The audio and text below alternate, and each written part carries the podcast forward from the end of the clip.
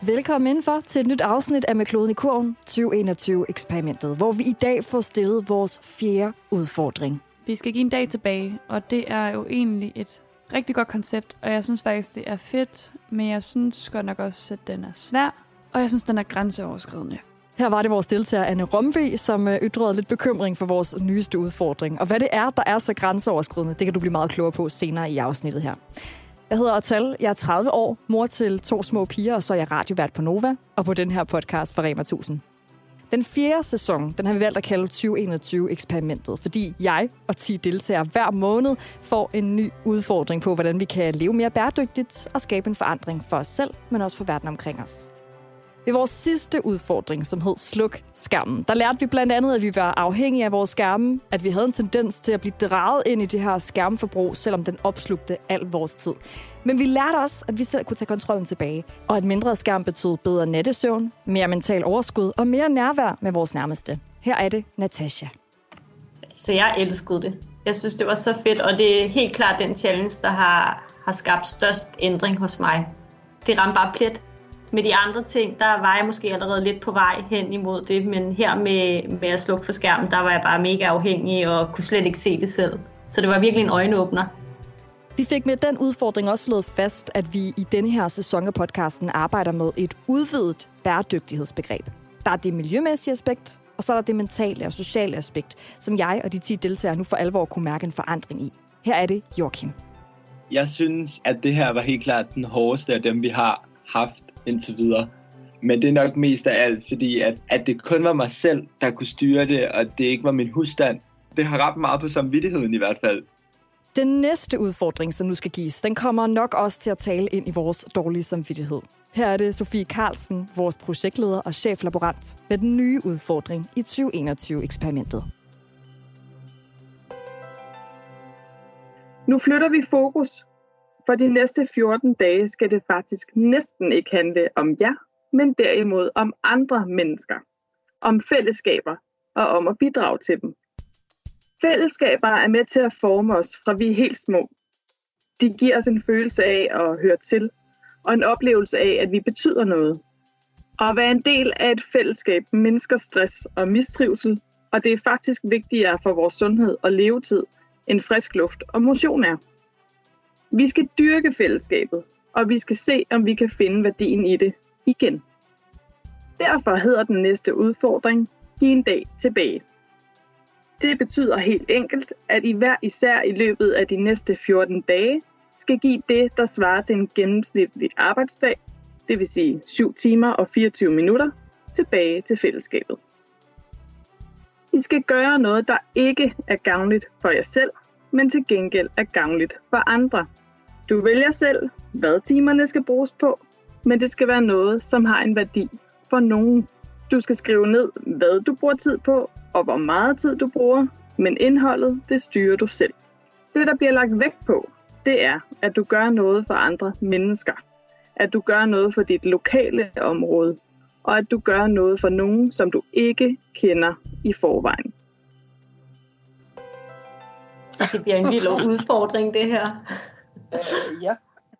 Helt vildt. Jeg tror lidt, vi er mundlarme alle sammen lige nu. Ja. Det sker ikke så tit. Altså, kan, kan man komme på nogle eksempler på, hvad man for eksempel kan gøre? Jeg Okay, så udfordringen lød, giv en dag tilbage. Vi skal gøre noget, som ikke er gavnligt for os selv, men for andre, og vi skal gøre noget lokalt for fællesskabet. Og hvad kunne det så være? Jeg og de 10 deltagere, vi tog en fælles brainstorm. Anne Kronborg fra Sønderberg har arbejdet 10 år i psykiatrien og øh, lavet en del frivilligt arbejde, og derfor så lå den her måske lige til hendes højre ben. Jamen, jeg har både været besøgsven, og jeg har, øh, jamen, jeg har været indsamler for, for kraftens bekæmpelse og, og for Slerosefonden. Og jeg sidder og tænker, hvad, hvad kan jeg lave? For der er jo sindssygt mange ting, jeg kan gøre.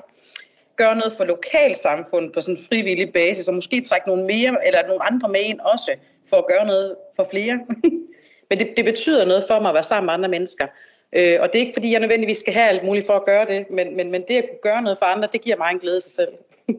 Jeg bor i Sønderbjerg ude ved Kolding, og det er i sig selv et, et ret specielt samfund, forstået på den måde, at vi har et ret specielt og ret tæt sammenhold herude. Karoline, vores racerdronning fra Frederiksværk og mor til tre små, gik lidt mere lavpraktisk til værks. Øh, corona-indkøb, eller måske bare det, at øh, man fik en, en børnetegning, eller et eller andet i sin post, altså i foran sin dør, eller du ved, et eller andet, som lige kunne give et smil på vejen, som der måske ikke har været alt for mange af på det sidste stykke tid. Emilie, som vi måske kan tillade os at kalde vores vægttabsdronning, er med en mand til søs, ofte alene med ungerne, og det fik hende så til at tænke på, hvordan både hun og ensomme ældre måske kan få lidt gavn af hinanden i den her udfordring. Altså, jeg tænkte også lidt på, at man kunne blive sådan en besøgsven. Jeg ved ikke lige, hvordan reglerne, eller coronareglerne er lige nu og her, men jeg overvejede også, at man skulle opsøge plejehjem, eller sådan nogle ensomme nogen, som måske havde brug for bare en ven. Og så har vi Mikkel, vores farmede faglighed, der lige suppleret op med et lille tip. Jeg, jeg har noget erfaring inden for det der øhm, med de ældre og demente. Hver mandag, der går vi en tur rundt om et plejehjem sammen med alle børnene i, i den børnehave, jeg arbejder i. Og så vinker vi til dem. Og at se den udvikling, der er sket siden vi startede med det sidste år, til nu, hvor de går ud og åbner vinduerne, og børnene kan løbe hen og sige hej til dem, og det er altså bare, det er altså bare godt at se. Maria Skovby fra Korsør, handicaphjælper og mor til Mingus på 5, fik en skidegod idé. Jeg tænker også, hvad hedder det, øhm, altså når nu jeg er i det samarbejde med Rema 1000, de har jo deres, den der Vigo, hvor man handler ind for andre mennesker, og så får man selvfølgelig penge for det, men dem kunne man jo så måske donere til et velgørende formål, de penge, man får for det. Natasha Dortin, vores dominanske globetrotter, vil rigtig gerne drible bolden inden for sit eget lokalområde, og øh, den var vores unge deltager Joachim Skak rigtig hurtigt til at gribe. Hmm, jeg tænker måske, jeg, jeg bor på Vesterbro og ved, at øh, de hjemløse har haft det rigtig svært her i øh, coronatiden, så måske man kunne, kunne gøre et eller andet der. Jeg ved ikke lige, hvad det skulle være, men øh, ja, det er lige min første tanke. Hvis nogen har nogle idéer, så sig endelig til. Jeg flytter faktisk også til Vesterbro øh, her om en uges tid, så det kunne være mig og Natasha, vi skulle øh, yeah. og så finde ud af et eller andet. Øh. Det skal vi da så meget. Her er det Christine Rivers fra Amager, podcaster, hjemmegående mor til Eddie på to, som minder os om, at næste kærlighed og velgærninger kan komme i rigtig mange forskellige former. Ja, jeg har faktisk lidt.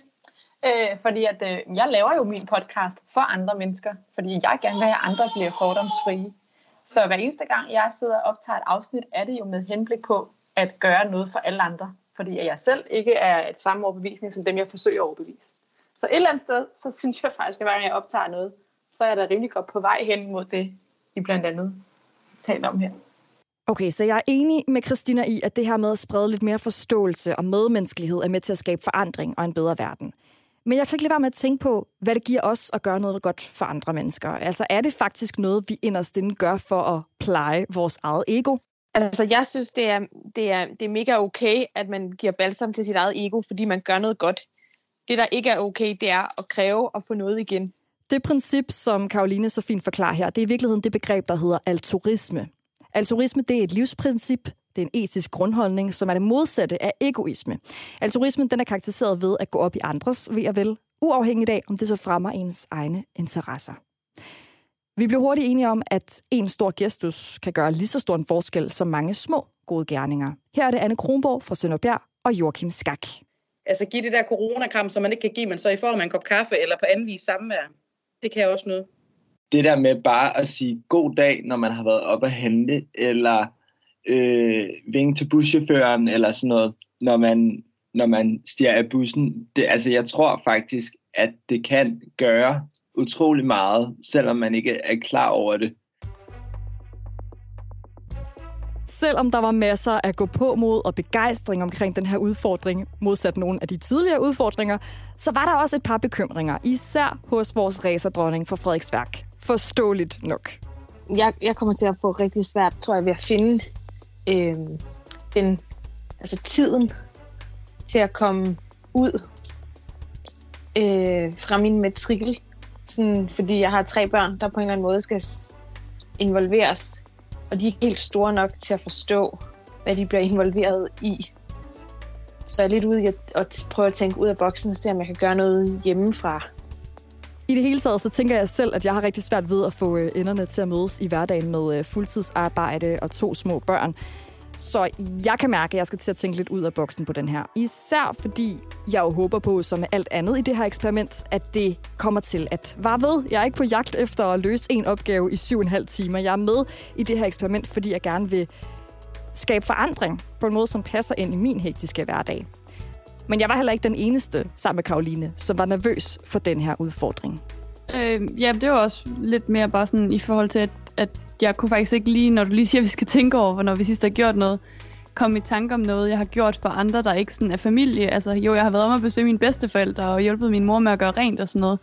Men sådan andre mennesker, det, det kan jeg faktisk ikke huske. Altså det er nok nærmest fire år siden, hvor jeg gik for kraftens bekæmpelse eller et eller andet i den stil. Så jeg synes faktisk, den er, den er lidt svær. kan du mærke, den, den skubber den lidt ved en, ved en dårlig samvittighed? Det, ja, og sådan noget øh, grænseoverskridende. Jeg er ikke sådan helt vildt god til at tage kontakt til folk, jeg ikke kender. Så det er jeg lidt spændt på.